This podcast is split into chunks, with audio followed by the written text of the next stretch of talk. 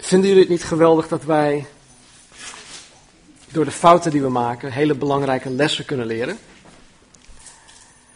Dat wij fouten mogen maken. Eh, lessen die niet alleen ons, ons heden kan veranderen, maar ook ons, onze toekomst zou kunnen bepalen.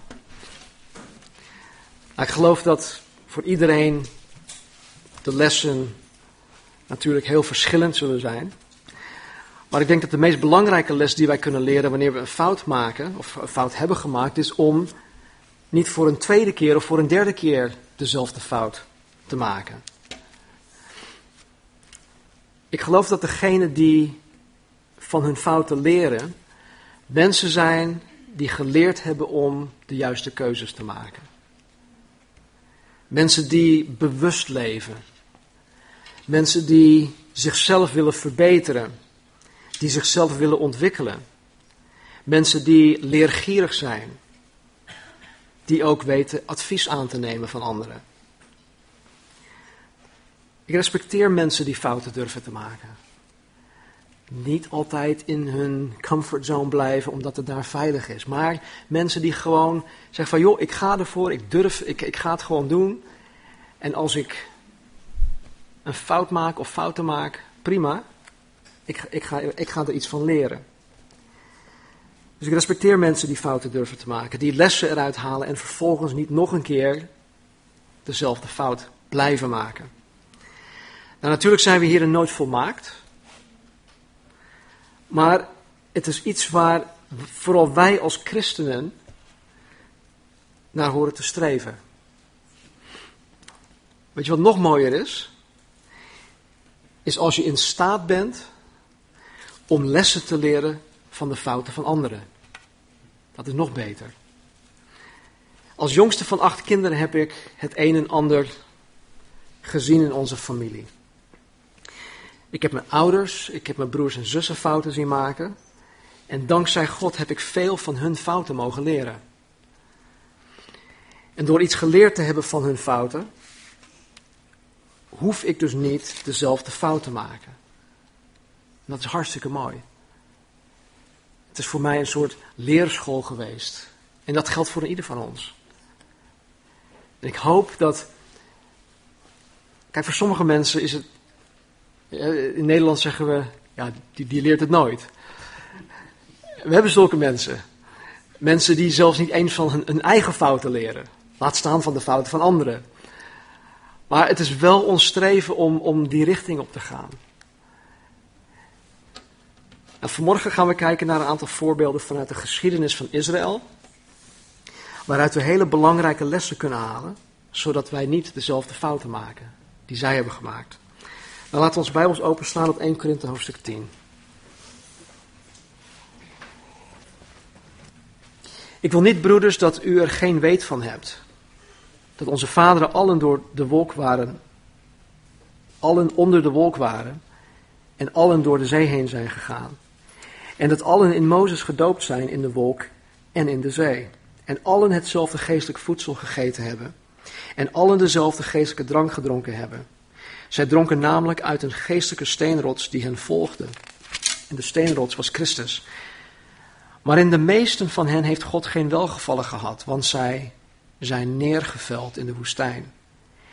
En deze dingen zijn gebeurd als voorbeelden voor ons, opdat wij geen begeerte tot kwade dingen zouden hebben zoals ook zij begeerte gehad hebben. En wordt geen afgodendienaar, zoals sommige van hen. Zo staat namelijk geschreven: Het volk ging zitten om te eten en te drinken en ze stonden op om te feesten. En laten wij geen hoererij bedrijven, zoals sommige van hen hoererij bedreven hebben. En op één dag vielen er 23.000. En laten we Christus niet verzoeken, zoals ook van hen sommigen hem verzocht hebben en door de slangen omgekomen zijn. En blijf niet morren, zoals ook sommigen van hen gemord hebben en zijn omgekomen door de verderver. Al deze dingen nu zijn hun overkomen als voorbeelden voor ons en ze zijn beschreven tot waarschuwingen voor ons, tot wie het einde van de wereld gekomen is. Daarom, wie denkt te staan, laat hij ervoor oppassen dat hij niet valt. Meer dan een menselijk, menselijke verzoeking is u niet overkomen.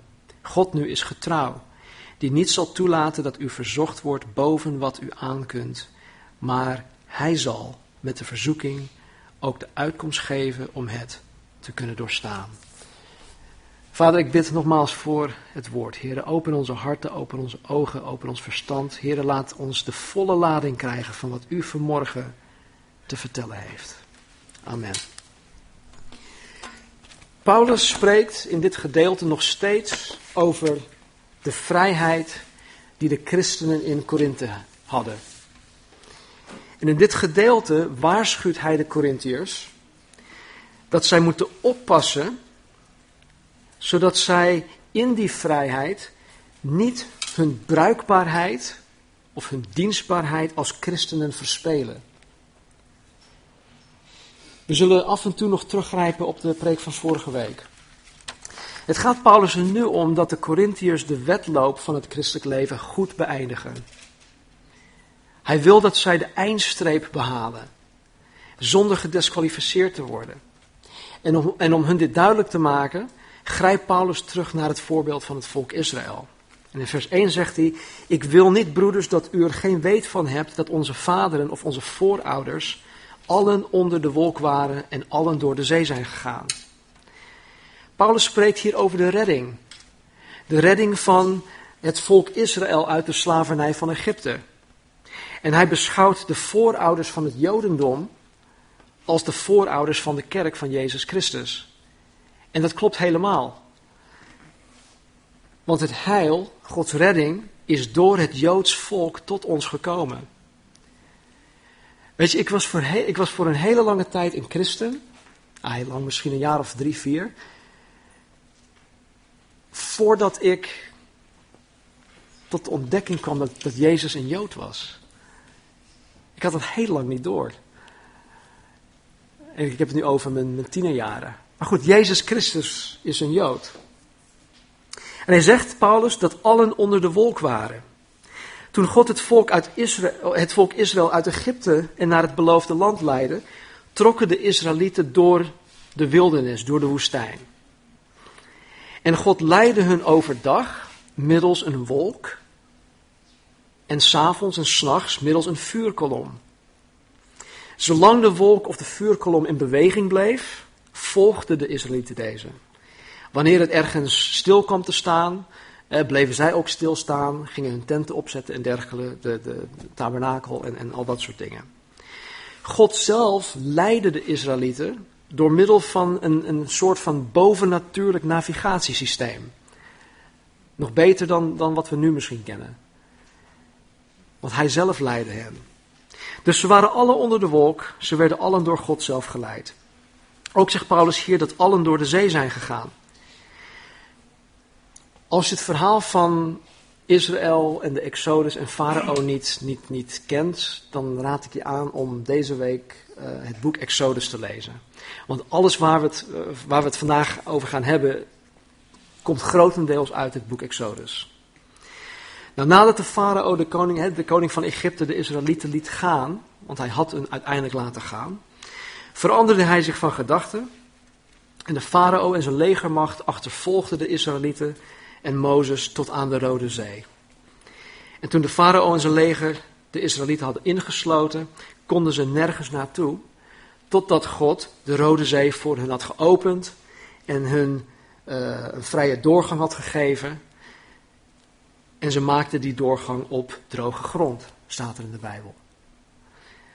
Mozes en alle Israëlieten waren veilig door de zee aan de overkant terechtgekomen.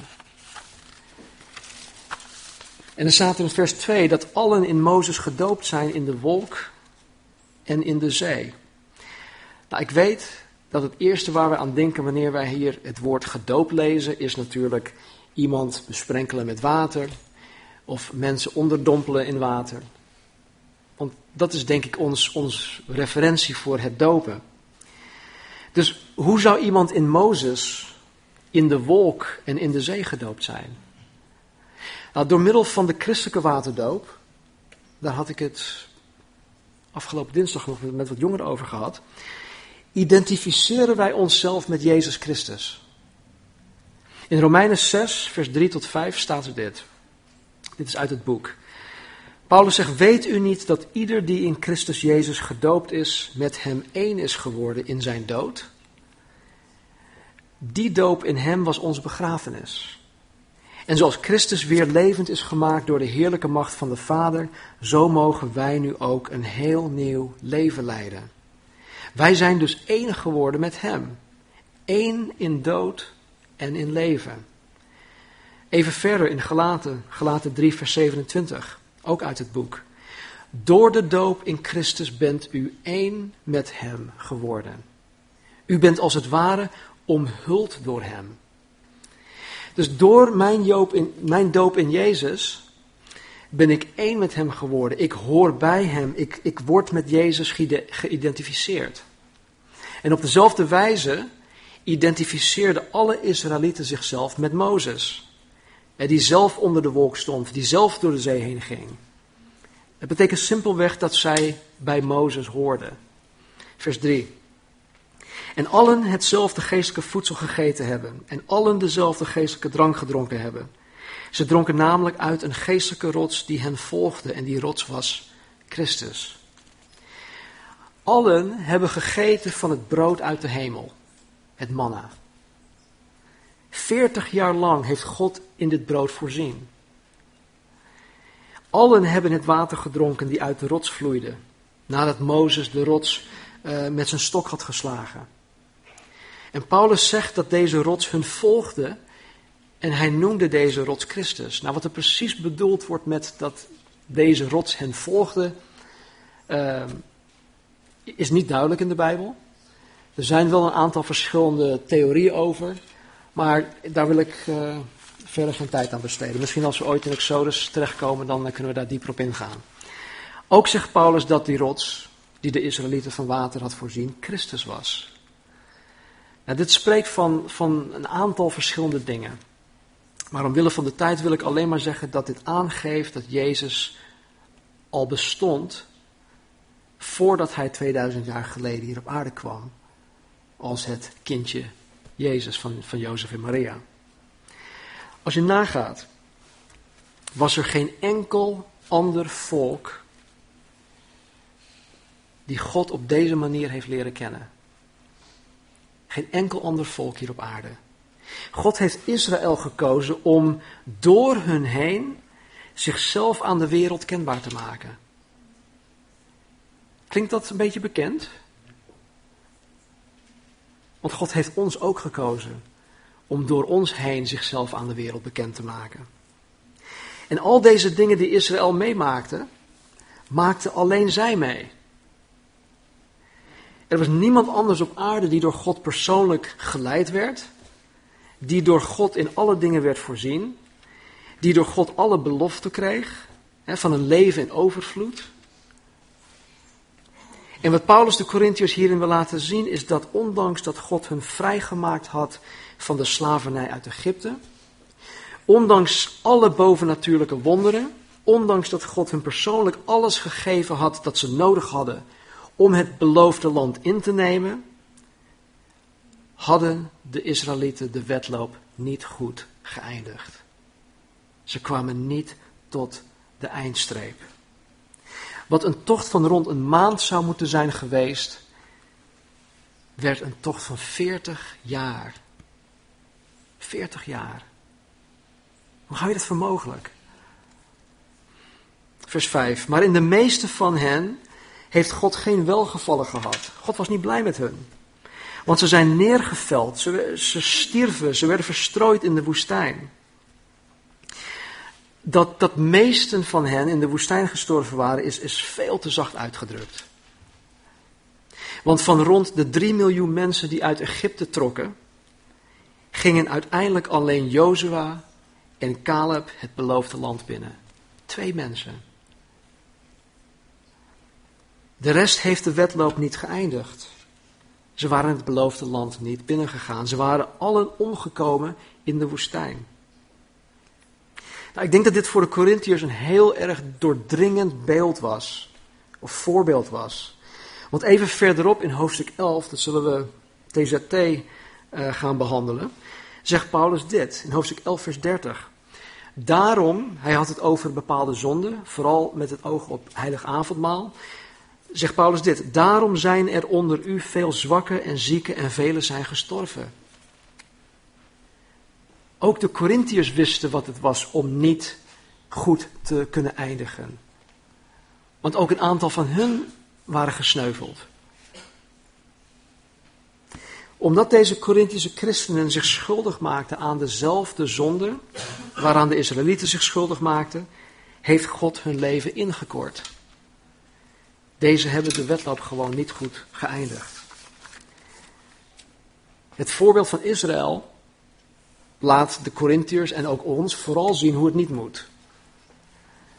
En even voor alle duidelijkheid wil ik dit wel zeggen, want waar Paulus het, het, in hoofdstuk 9 over heeft, waar wij het vorige week zondag ook over hebben gehad, heeft niets te maken met onze redding. De wedloop, de race, de eindstreep waar waar we het over gehad hebben, heeft niets te maken met onze redding. Onze redding is ons gegeven door genade. Wij kunnen niets doen om Gods redding te verdienen. Dus daar heeft Paulus het niet over. Als Paulus hier spreekt over gedisqualificeerd zijn hè, van deze wedloop, bedoelt hij niet dat wij onze redding zouden verliezen, maar dat wij onze bruikbaarheid door God zouden verspelen. En daarvoor wil hij de Corinthiërs en ons ook voor behoeden en sparen. Nogmaals, de Israëlieten die door God zo gigantisch veel gezegend werden, waren door hun ongehoorzaamheid, door hun egoïsme gedisqualificeerd om God te dienen. Door, door God aan de wereld kenbaar te maken. Waar het op neerkwam is dat zij uiteindelijk niet meer mee mochten doen. Zij mochten niet meer meedoen. En stel je voor dat door zonde, door ongehoorzaamheid, door, egoïsme, God tegen mij zegt van stem, nee, je mag niet meer meedoen. Dan zal ik de rest van mijn leven altijd met de gevolgen uh, moeten leven. En ik zal altijd denken van, oh, had ik maar. Was ik maar. Als ik dit had gedaan, dan. Nou, dat wil ik absoluut niet. Ik denk niet dat jullie dat ook willen. En deze dingen, vers 6, zijn gebeurd als voorbeelden voor ons, opdat wij niet zouden verlangen naar kwade dingen. Zoals ook zij verlangd hebben. De Israëlieten hadden hun eigen lichaam, hun eigen, hun eigen ik, niet onder controle. In plaats van dat zij hun lichamelijke lusten en verlangens in bedwang hielden, gaven zij toe aan deze dingen. Zij ontvingen elke dag, elke dag iets bovennatuurlijks van God. Brood uit de hemel, het manna.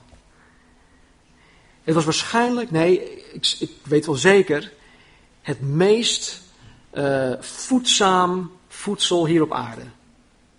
Want God heeft het zelf gegeven. Ik denk niet dat ze moesten kijken naar het etiketje van hoeveel uh, calorieën erin zitten en hoeveel uh, eiwitten en dat soort dingen. Nee, het was gewoon goed. En toch waren ze niet tevreden. Ze waren niet tevreden met datgene dat God aan hun had gegeven. Ze wilden iets anders. En dit is de essentie van lust. Het is de essentie van begeerte.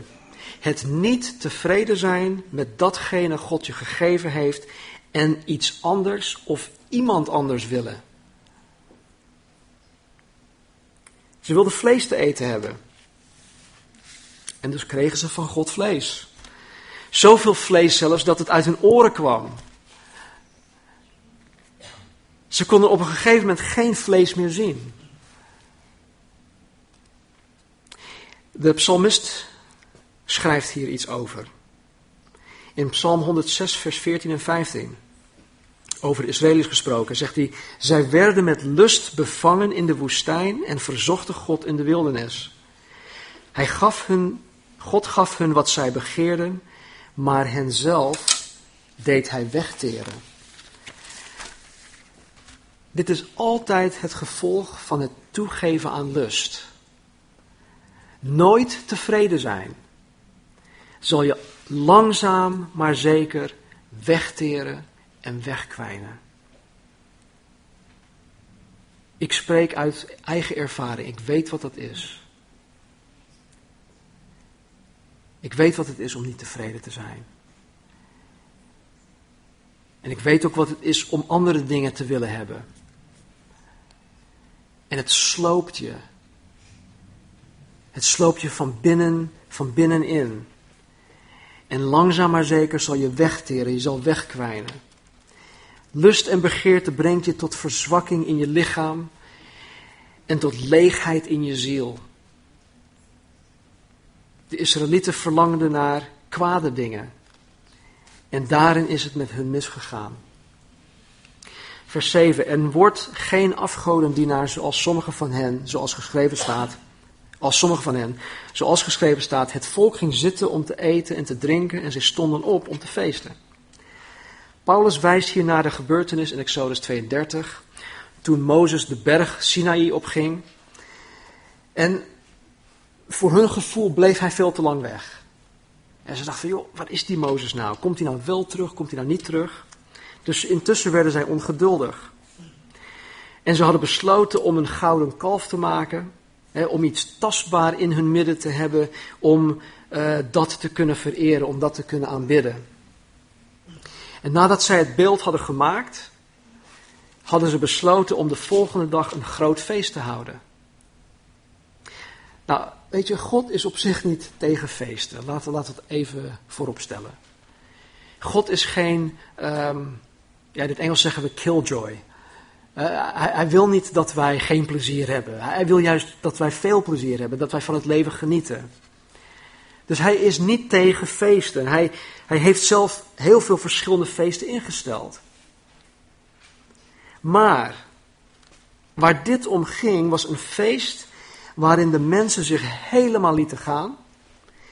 Het ging hier om totale bandeloosheid, om dronkenschap, om ontucht. En, dat, en daarop zegt God van nee, nee, dat niet. Dus daarop is hij wel tegen. En ook in Korinthe maakten dit soort feestjes uh, deel uit van, van hun afgodenverering. In, in het Engels hebben we een woord, of woorden, drunken orgies. Ik, ik weet niet hoe je dat in het Nederlands zegt. Orgie, is dat een Nederlands woord? Ja? Oké, dat is geen goed woord. Maar goed, dat maakte allemaal deel uit van deze, hun godsdienst, van hun, hun, hun afgodenverering. En vandaar dat Paulus hun waarschuwt om niets te maken hebben met dit soort feestjes. Blijf daarvan weg. Vers 8. En laten wij geen hoererij bedrijven zoals sommige van hen hoererij bedreven hebben. En op één dag vielen er 23.000. Nou, zoals we eerder geleerd hebben uit 1 Korinthe, betekent hoererij elke vorm van seksuele activiteiten buiten het huwelijk. En waar Paulus op duidt is een gebeurtenis uit nummer 25, waarin de Israëlieten zich inlieten met Moabitische vrouwen, waarmee zij deelnamen aan afgodenverering en ook buitenechtelijke seks. In nummer 25 staat er dat er uiteindelijk 24.000 mensen om het leven kwamen door een plaag. Dus op één dag 23.000 en vervolgens nog 1000. Als ik daaraan denk, hè, dus hoe God met, met deze mensen omging. Dan vraag ik me soms af van waarom gaat dat nu zo anders? Waarom laat u alles zomaar gaan in de wereld?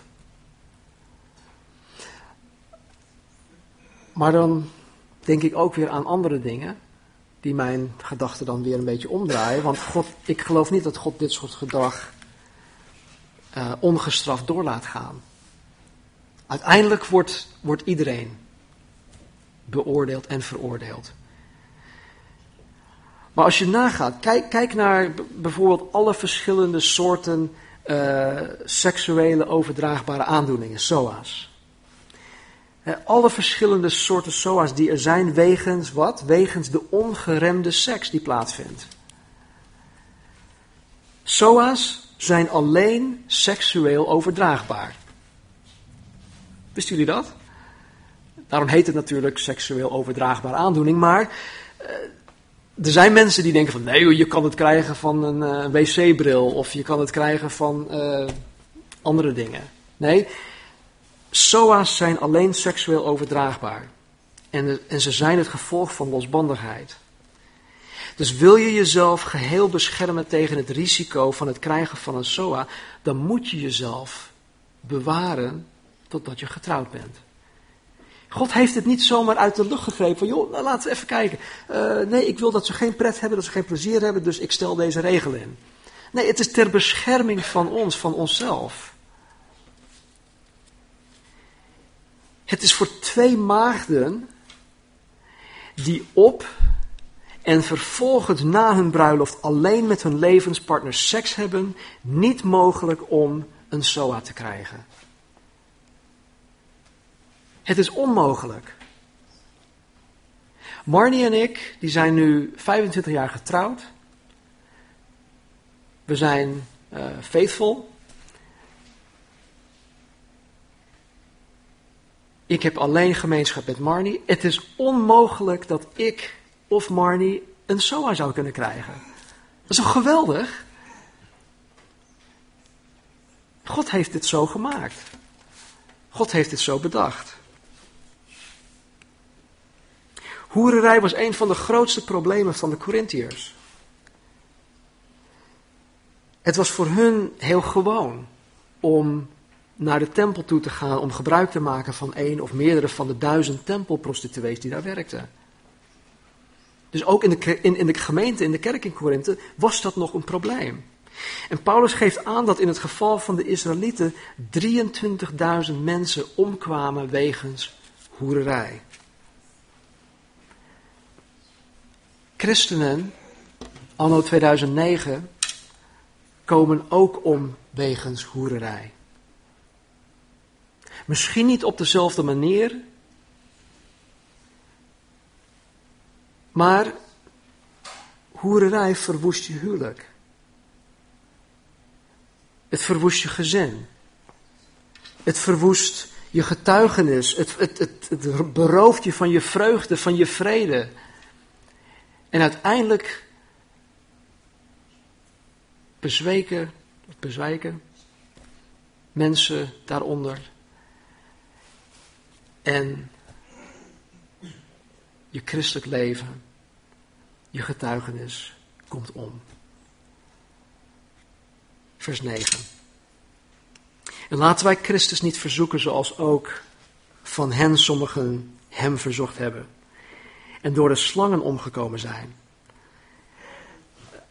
Nadat de Israëlieten, en dat moet je ook maar lezen, op eigen houtje het beloofde land probeerden binnen te dringen, spraken zij hun walging uit over het eten waarin God voorzien had. De wolk en de vuurkolom leidden hun. Alleen als een van de twee bewogen moesten zij het volgen. Maar zij gingen dus op eigen houtje, probeerden zij het beloofde land binnen te dringen. En vervolgens spraken ze hun walging uit over het eten waarin God had voorzien. In nummer 21:5 staat dit. Het volk begon te klagen tegen God en Mozes. Waarom hebt u ons uit Egypte gehaald? Moeten we hier in de woestijn omkomen? We hebben geen brood, geen water, de eeuwige mannen hangt ons de keel uit. Ten eerste volgden zij de Here niet. Want de wolk bewoog hun niet in die richting. Zij hoorden eigenlijk gewoon stil te blijven staan. Dus zij negeerden God volkomen hierin. Ze deden hun eigen ding, ze gingen hun eigen weg, maar toen het misging, kreeg God de schuld. bijna menselijk. Ik zie zo vaak mensen hun eigen weg gaan, hun, hun, eigen ding doen. En dat ze God buiten beschouwing laten. Dat ze zich niet overgeven aan Gods leiding. En wanneer het fout gaat, ja hoor, je weet het al, God krijgt de schuld. Maar ook in dit geval kwamen de Israëlieten er niet mee weg. Velen kwamen om vanwege de slangenbeten. Vers 10. En blijf niet morren zoals ook sommigen van hem gemord hebben. En zijn omgekomen door de verderver. Een van de dingen waar de Israëlieten bekend voor stonden was het constant gemor. Het gemopper. En zij wisten van volharden, alleen niet in de goede dingen. Zij volharden in het morren, in het klagen, in het mopperen. Nou lijkt gemopper misschien niet zo'n grove zonde, maar het heeft vele Israëlieten hun leven gekost. Waarom? Alhoewel de Israëlieten morden ofwel mopperden tegen Mozes, en ze mopperden tegen Mozes, mopperden ze uiteindelijk tegen God. Want Mozes vertegenwoordigde God. En door tegen God te mopperen, lieten ze zien dat zij ontevreden waren met Gods soevereine wil voor hun leven. Wanneer Gods kinderen klagen, ook wij, dan zetten ze vraagtekens bij, bij Gods wijsheid, bij Gods genade. Ze zetten vraagtekens bij Gods goedheid, Gods rechtvaardigheid, bij Gods liefde. Onze tevredenheid en voldoening zijn niet alleen voor ons eigen welzijn, maar ter ere en verheerlijking van God. Klagen, morren, mopperen over de gang van zaken in Gods koninkrijk, in de plaatselijke kerk, brengt alleen maar schande over God. Hij wordt daar niet mee verheerlijkt tevredenheid. Tevreden zijn in je hart. Hoe het ook gaat. Brengt eer en glorie aan God. Al deze dingen nu zijn hun overkomen als voorbeelden voor ons en ze zijn beschreven tot waarschuwing voor ons, tot wie het einde van de wereld gekomen is. Nou, al deze gebeurtenissen staan in de Bijbel geschreven, zodat wij ervan kunnen leren zodat wij niet dezelfde fouten begaan zoals zij. En het is voor ons tot wie het einde van de wereld, ofwel deze tijdperk, gekomen is. Het, het, is voor ons. Het is voor ons geschreven. En wij leven in een tijdperk waarin Jezus op elk moment terug kan keren om alle christenen op te nemen. Hij kan op elk ogenblik de kerk naar huis nemen. Vanuit een profetisch standpunt hoeven er geen andere dingen meer plaats te vinden. Er hoeven geen andere dingen eerst plaats te vinden. De weg tot de wederkomst van Jezus Christus is voorbereid. Daarom, vers 12, wie denkt te staan, laat hij oppassen dat hij niet valt. De Corinthiërs waren overmoedig. Ze dachten dat zij immuun waren voor onder andere de invloeden van de wereld waarin zij leefden. Ze dachten dat ze heel stevig in hun christelijke schoenen stonden. Ze hadden heel veel zelfvertrouwen. Ze dachten dat zij geestelijk heel sterk waren. Christenen die overmoedig worden, worden minder afhankelijk van Gods woord en Gods geest en worden vervolgens onverschillig in hoe zij leven. Ze denken, joh, ik, ik kan het wel aan om met deze mensen om te gaan. Natuurlijk zullen ze mij absoluut niet kunnen beïnvloeden. Ze denken, ik kan bepaalde twijfelachtige media wel tot me nemen. Want ik ben het de baas. Ik kan het wel hebben, ik kan het wel aan. Ik weet hoe daarmee om te gaan. Ik kan wel naar al die feestjes toe gaan. Of naar de disco, of alleen zonder mijn partner op vakantie. Ik kan al dit soort dingen wel aan. Christenen die overmoedig worden zijn niet op hun hoede en worden makkelijke prooi voor de duivel. Daarom wie denkt te staan, laat hij oppassen dat hij niet valt. Tot slot vers 13. Meer dan een menselijke verzoeking is u niet overkomen. God nu is getrouw, die niet zal toelaten dat u verzocht wordt boven wat u aankunt. Maar hij zal met de verzoeking ook de uitkomst geven om het te kunnen doorstaan. Nadat Paulus de Corinthiërs waarschuwt dat zij niet dezelfde fouten moeten maken als de Israëlieten, geeft Paulus hun nu de, het antwoord op de vraag die zij meest waarschijnlijk hadden gesteld in hun eigen gedachten. En de vraag is, Paulus, hoe kunnen wij, hoe kan ik voorkomen dat ik of wij op al deze gebieden de fout ingaan? Dit zijn allemaal dingen waarmee ik worstel. Hoe kan ik nou voorkomen dat ik de fout inga? Drie dingen. Ten eerste is elke verzoeking, elke verzoeking die ons overkomt niet uniek. Denk niet dat alleen jij of u met deze verzoeking te maken krijgt. Nee, meerdere mensen, meerdere christenen worden verzocht op exact dezelfde gebieden waarop jij wordt verzocht. Ik ken iemand die zichzelf en zijn gedrag um, altijd excuseerde. Hij zegt maar ja joh, uh, Stan jij bent getrouwd en uh, ja ik niet en ik verlang zo. En, en ja de verzoeking en de verleiding is zo groot en kijk jij hebt dat niet. En ik, volgens mij ben ik de enige in de hele kerk die dat, die dat zo zwaar voelt.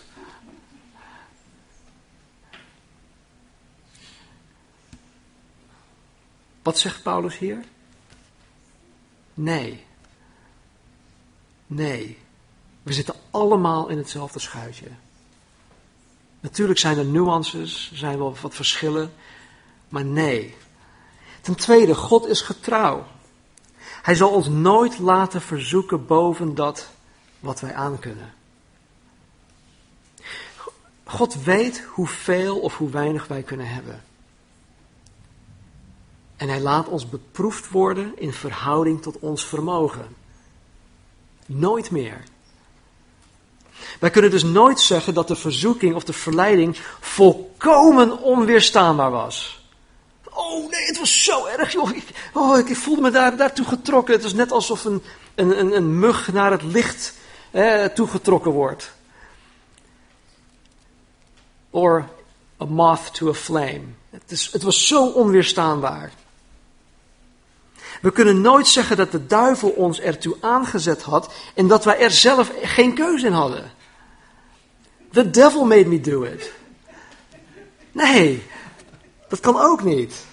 Nee, als wij ingaan op de verzoeking of de verleiding, dan kiezen wij er zelf bewust voor.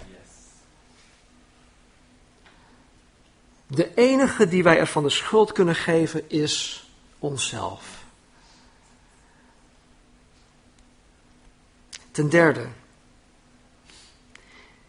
God zal met de verzoeking altijd, niet soms, niet negen van de tien keer, maar altijd de uitkomst ofwel een uitweg geven.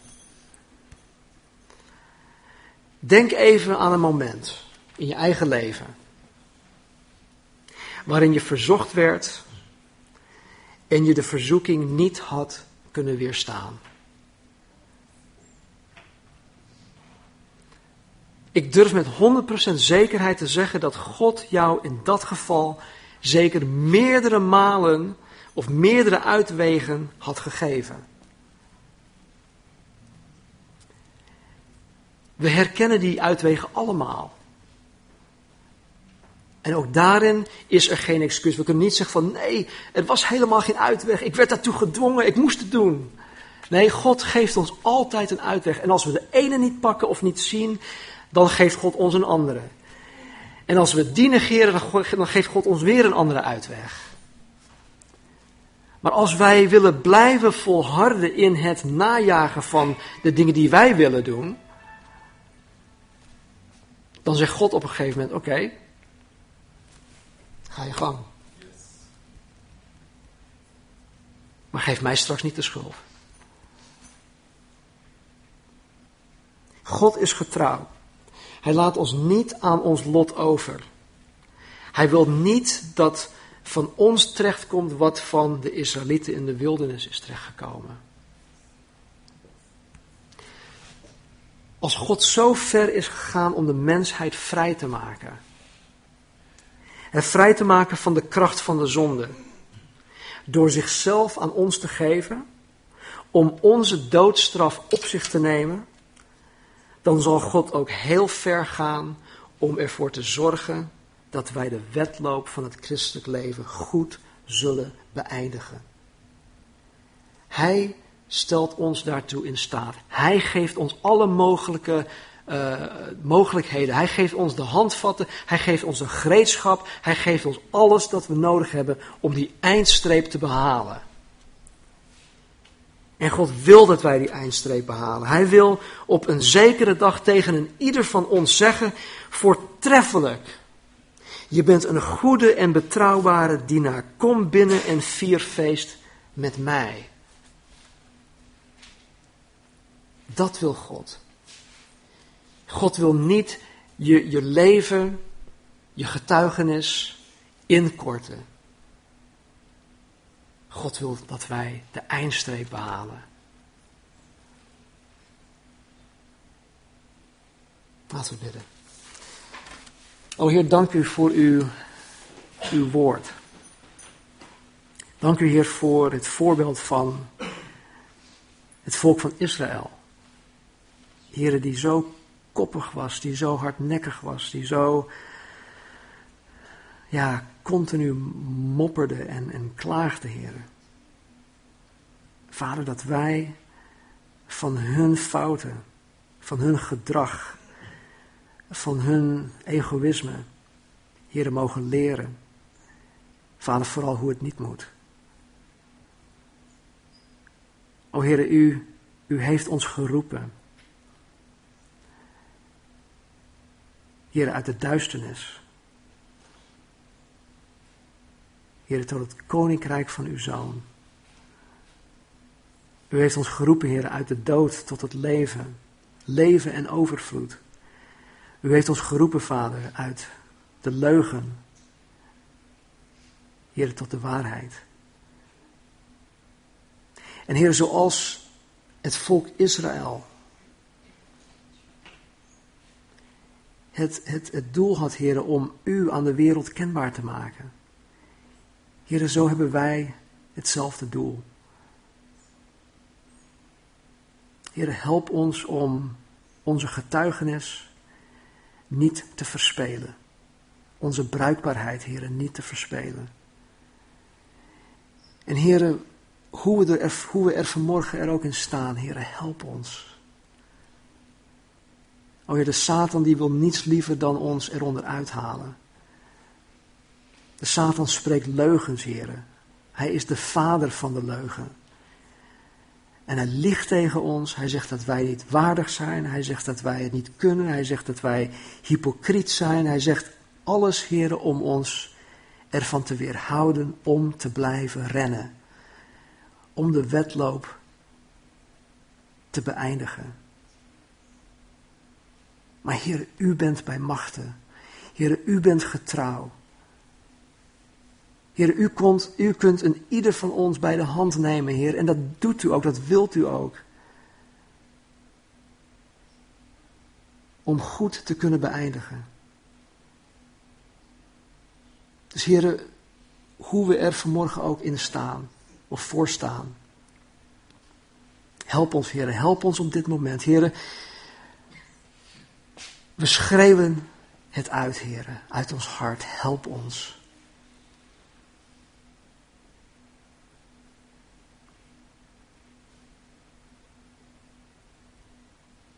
Heren, er zijn zoveel mensen die die u nog niet kennen, die uw liefde nog niet kennen, die uw genade nog niet kennen. Heren, mensen die anders voor eeuwig de verdoemenis in zullen gaan, terwijl het helemaal niet nodig is. Help ons, Heer, om deze te bereiken. Heer, omwille van het volmaakt werk op Golgotha. Dank u wel, Jezus, dat u zo ver bent gegaan. Dank u wel, Heer, dat u ons heeft gered. En dat u ons ook wil gebruiken, Heer, in uw reddingsplan. Zegenen ieder, Vader. Vervul ons met uw geest. Geef ons kracht, geef ons moed. Sterk ons, Heer. En help ons, help ons vanmorgen ook een beslissing te nemen dat wij ervoor gaan. Ongeacht wat er de afgelopen dagen of weken is gebeurd. Heren, we willen ervoor gaan. We geven onszelf opnieuw aan u. In Jezus' naam. Amen. Laten we staan.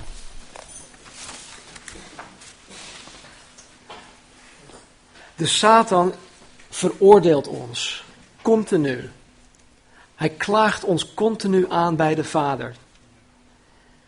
De Heilige Geest daarentegen um, convicts, um, overtuigt ons. En hij wil ons overtuigen en hij doet het op zo'n liefdevolle manier. Dus laat alsjeblieft de Heilige Geest je vanmorgen overtuigen, ook deze week, van de dingen die we af moeten leggen. De dingen waar we ons naar uit moeten gaan strekken. Ik zag van de week zoveel mooie dingen gebeuren, joh. In ons midden. En het is echt, het is echt de moeite waard om jezelf helemaal aan Hem te geven. Alle gedachten die de Satan ons, ons toespreekt, hoeven we niet naar te luisteren. In het Engels is er een, is er een gezegde, ehm, maar hoe zit het dan met al die vogels die om ons heen vliegen? Nou, ze, ze kunnen zelfs op je, op je hoofd landen, maar ze, hoeft te ze laat, laat niet toe dat ze een nest in je, op, op je hoofd bouwen of zoiets. Met andere woorden, wij hoeven niet toe te laten dat de Satan ons blijft voeren en dat we daar gehoor aan geven. Jezus is gestorven voor ons. Hij heeft de overwinning. Wij zijn meer dan overwinnaars in Hem. Dus ga met die gedachten, met die vreugde, met die vrede alsjeblieft deze week in. Hij houdt van een ieder van jullie, van ons. En hij wil die liefde met deze wereld delen. Door jullie levens heen. Dus wees daarin gezegend, wees daarin gesterkt. En wees daarin bemoedigd. Laat je niet beroven van de zegen die hierin rust. In zijn naam. Amen.